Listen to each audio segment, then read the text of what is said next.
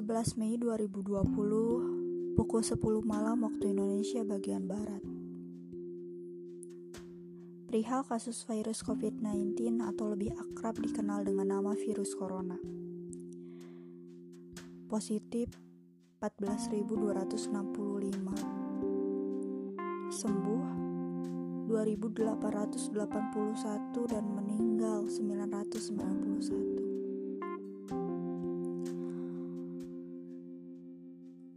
Sebegitu cepatnya virus ini menyebar hanya dalam kurun waktu kurang dua bulan. Ya kita nggak bisa menyalahkan full 100% pada pemerintah dengan alasan kurang cakap. Ya pemerintah nggak akan sukses memutus rantai virus ini kalau manusia-manusianya saja kurang mengerti dan malah suka menantang maut sendiri. Info ini saya dapat dari WhatsApp langsung dari akun resmi COVID-19 yang bisa dilihat di deskripsi podcast saya kali ini. Halo semuanya, halo kamu, apa kabar? Keadaan di rumahmu bagaimana? Jaga kesehatan ya, jangan keluar dulu kalau nggak terlalu gawat. Ayo, dikurung egoisnya. Dimatikan dulu keinginan buat nongkrong bareng teman-temanmu. Apa yang kita lakukan di rumah hari ini bisa menyelamatkan seribu bahkan jutaan kehidupan sealam semesta. Dan ya, apalagi yang lebih baik dari menyelamatkan sesama manusia. Dan gokilnya, hanya cuma diam di rumah. Yang lagi di rumah, kosan, apartemen, kosan teman, terus kangen orang tua, saudara, pacar halal, pacar orang, atau orang yang kalian suka tapi terhalang friendzone, sabar dikit ya. Iya tahu, susah banget. Tapi kalau kita memaksakan buat pulang, bersalaman, peluk-pelukan, kan kita nggak tahu kita sakit atau enggak. Memangnya nggak sayang sama keluarga? Saya harap buat kalian yang mendengarkan podcast saya kali ini, kalian sedang di rumah aja ya yang sedang sibuk bekerja, dibereskan sampai tuntas pekerjaannya. Kan enak bisa nonton drakor dengan serius, gak usah mikirin si bos lagi. Atau yang sedang proses belajar mengajar di rumah atau PBM, semangat ya. Kapan lagi sekolah tapi tetap di rumah.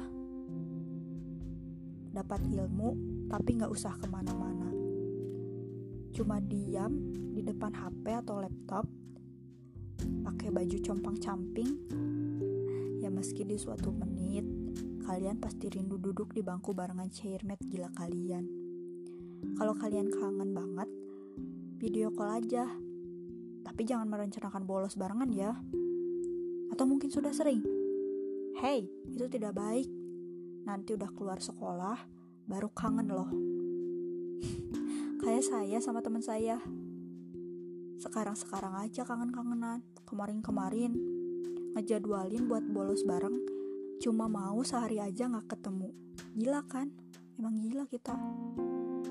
Nah buat kalian yang lapar saya nggak akan mempromosikan makanan apa pun di sini. Tapi saya akan mengingatkan sedikit buat makan makanan yang sehat. Jangan banyak makan gorengan atau hmm, Pokoknya, makanan yang banyak minyak deh. Hindari dulu ya.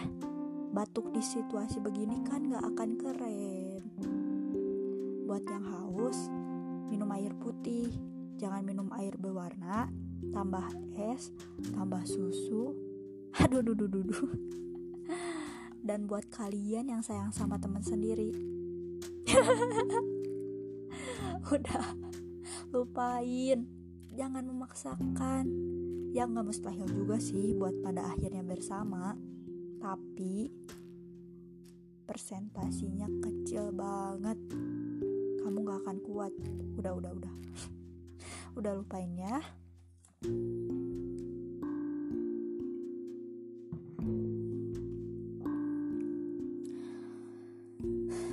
Kabar saya baik. Kegiatan di rumah juga begini-begini saja kalau ditanya rindu sekolah ya tentu sangat rindu. Apalagi di situasi saya dan teman-teman yang masih fresh graduate dan hampir di seluruh Indonesia alami. yaitu perpisahan yang tiba-tiba. Eh iya, buatmu yang mendengarkan podcast saya kali ini, dan kebetulan kamu kelas 3 SMA, 3 SMP, kelas 6 SD, TK, ya nggak mungkin sih TK udah dengerin podcast saya yang baru lahir ini. Saya cuma mau bilang, mungkin kita satu perasaan kali ini, bingung, sedih, senang, kecewa, dan mungkin marah. Ya pokoknya mau bingung gimana, mau sedih gimana, mau senang gimana, kecewa gimana, dan mungkin marah juga gimana. Soalnya kita kan nggak tahu mau mau marah gimana gitu, gimana ya? Saya juga jadi bingung. Pokoknya, aduh, uh, gak tentu gitulah perasaannya. Campur-campur dan seimbang semuanya tahun ini juga banyak cobaan berat buat kita semua. Padahal baru 5 dari 12 bulan. Yang artinya masih terhitung cukup awal tahun. Banyak rencana matang yang pada awalnya membuat senyum-senyum sendiri harus tiba-tiba hancur. Kesenangan tentang kebijakan lama menjadi terlihat pahit karena harus diubah.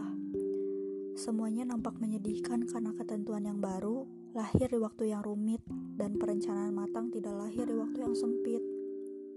Dan ya, entah karena tiga tahun atau karena alasan lain, saya sebagai anak kelas 3 yang baru mendapatkan sistem baru dalam penyampaian kelulusan, yaitu melalui surat kelulusan online merasakan kalau perpisahan ini lumayan agak sulit. Poin pertama, kita bisa nggak sempat berpelukan, berpegangan, bahkan mengucapkan apa-apa secara langsung juga enggak. Mungkin kita tidak punya foto terakhir kali sekolah atau sekedar jawaban dari pertanyaan kapan terakhir kali memakai rok atau celana abu-abu.